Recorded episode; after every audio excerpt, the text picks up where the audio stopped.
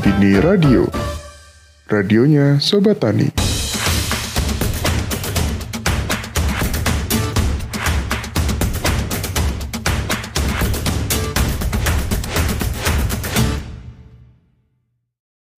Halo, halo, halo Sobat Tani, selamat pagi, siang, sore, malam, di mana pun kalian berada.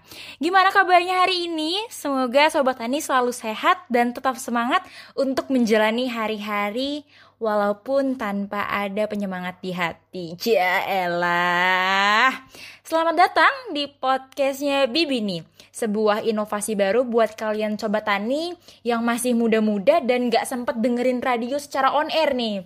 Masih dengan Iren Alda Gloria Dita yang cantik jelita tiada tara, asik. Yang akan nyamperin kalian para sobat tani yang cinta banget sama podcast nih.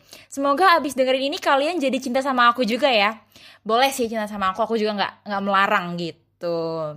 Jangan lupa untuk terus kirimin pesan juga dan dukungan kalian atau kalian mau kirim-kirim salam atau mau curhat juga boleh. Aku siap mendengarkan. Jadi kalian boleh kirim aja pesan atau curhatan kalian ke Instagram kita di @bibini_radio.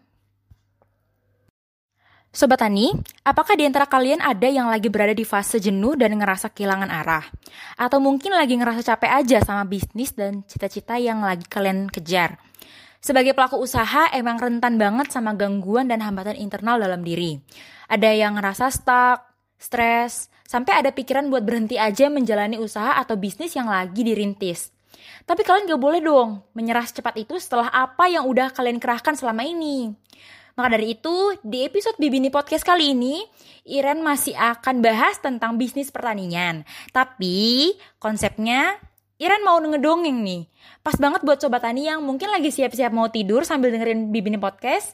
Eits, tapi jangan sampai ketiduran dulu ya. Karena bakal banyak banget informasi yang insightful dan pesan-pesan inspiratif yang bisa kalian dapetin lewat podcast kali ini. Dan semoga setelah dengar podcast ini juga pikiran-pikiran negatif yang muncul di otak dan hati kecil nan mungil kalian bakal minggat ya. Dan semangat kalian akan kembali membara. Asik.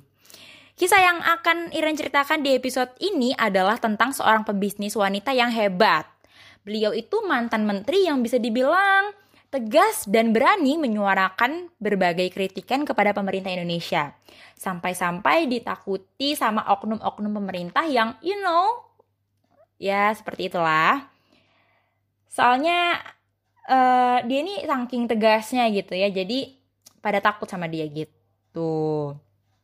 Nah, selain mantan menteri, uh, beliau ini juga udah berhasil menenggel menenggelamkan kapal-kapal asing yang masuk ke perairan Indonesia. Kalian pasti langsung pada tahu kan ya siapa? Yeps, betul sekali. Beliau adalah Susi Pujiastuti. Beberapa sobat tani mungkin kenal beliau itu sebagai mantan menteri perikanan dan kelautan aja. Padahal sebenarnya beliau juga seorang pebisnis yang sukses loh. Meskipun beliau hanya mengemban pendidikan hingga lulus SMP, namun dengan kegigihan dan semangatnya, beliau sukses mengolah sektor bisnis ekspor ikan sampai dengan bisnis transportasi penerbangan yang masih ditekuni hingga saat ini. Jadi pada awalnya nih ya, Ibu Susi ini putus sekolah saat di jenjang SMA yang berarti Ibu Susi ini hanya memiliki ijazah SMP pada saat itu. Kemudian setelah putus sekolah, beliau memutuskan untuk mencoba peruntungan sebagai pengusaha mengikuti jejak orang tuanya. Awalnya beliau ini merintis usaha sebagai penjual pakaian dan bed cover, tapi nggak berjalan cukup lancar hingga pada akhirnya beliau melihat kota Pangandaran yang merupakan penghasil ikan sebagai potensi bisnisnya. Saat itu uh, tahun 1983 dengan modal sebesar 750 ribu hasil dari menjual perhiasan, Susi Pujiastuti memberanikan diri untuk terjun ke bisnis pengepul ikan. Pastinya nggak langsung sukses ya. Beliau pasti menghadapi banyak halangan dan rintangan saat menjalankan bisnisnya. Awalnya beliau banyak ditolak berbagai restoran karena kualitas ikannya yang diragukan.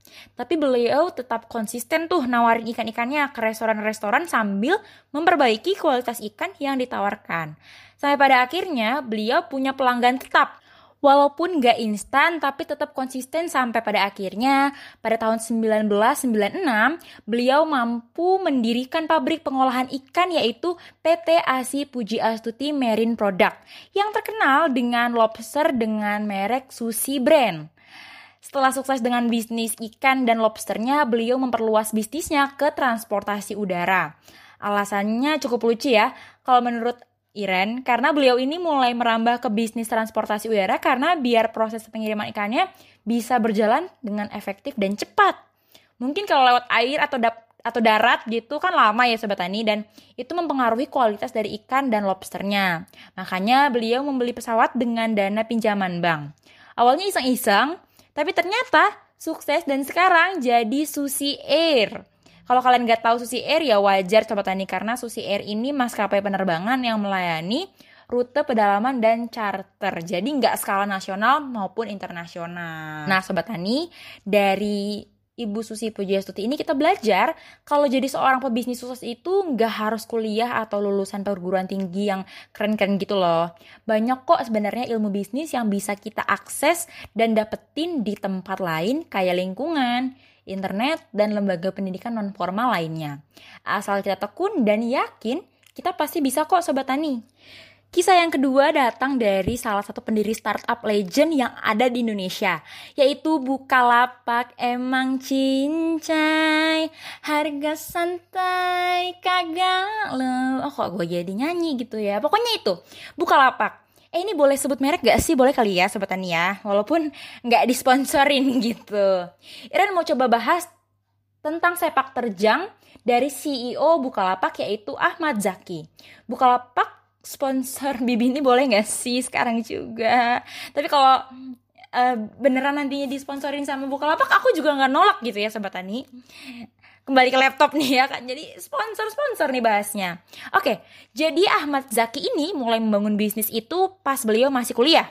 Kalau tadi Bu Susi itu kisah pebisnis sukses yang putus sekolah saat SMA, Ahmad Zaki ini pebisnis sukses yang punya latar belakang dan privilege mengenyam bangku kuliah.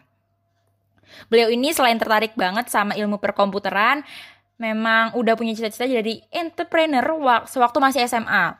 Beda nih sama teman-temannya yang punya cita-cita mau jadi PNS atau pegawai perusahaan yang gajinya stabil. Tapi beliau ini yakin sama impiannya dan tahu dan tahu apa aja yang bakal beliau hadapi kalau mau jadi pebisnis. Jatuh bangunnya, banting tulangnya, dan semua halang rintang yang bakal dihadapi. Jadilah pas masuk kuliah, Beliau ini memulai bisnis dengan berjualan mie ayam di sela-sela jam kuliahnya. Selama jualan, beliau dapat banyak cibiran dari teman-temannya. Tapi beliau ini nggak peduli dan tetap lanjutin usaha kecil-kecilannya. Ya walaupun emang belum berhasil, karena gak balik modal dan akhirnya bangkrut. Selain itu, dari yang dulunya cuma dirintis sama tiga orang, kini Ahmad Zaki bersama Bukalapak udah sukses membuka lapangan pekerjaan dengan mempekerjakan sekitar 320 karyawan di perusahaannya. Wah luar biasa banget ya. Jumlah transaksi yang dilakukan via Bukalapak perharinya terbilang fantastis.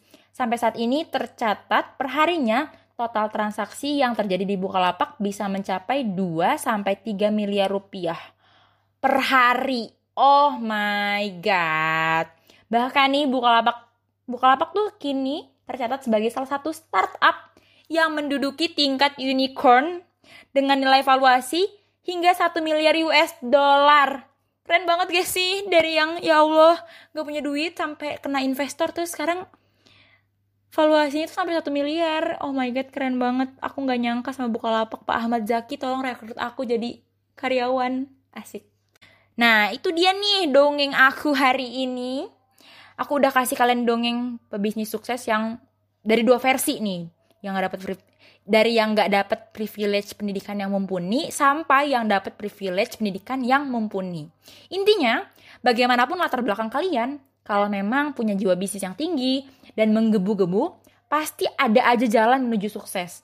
Maka dari itu, sobat tani semua harus tetap semangat karena masih ada jalan terjal, tantangan, dan kesempatan lain di depan mata.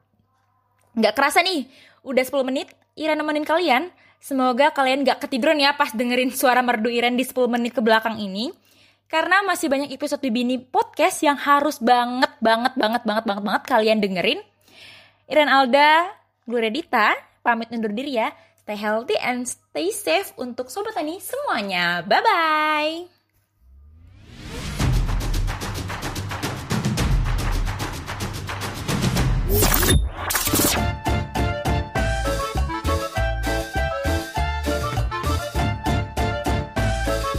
Ibini Radio.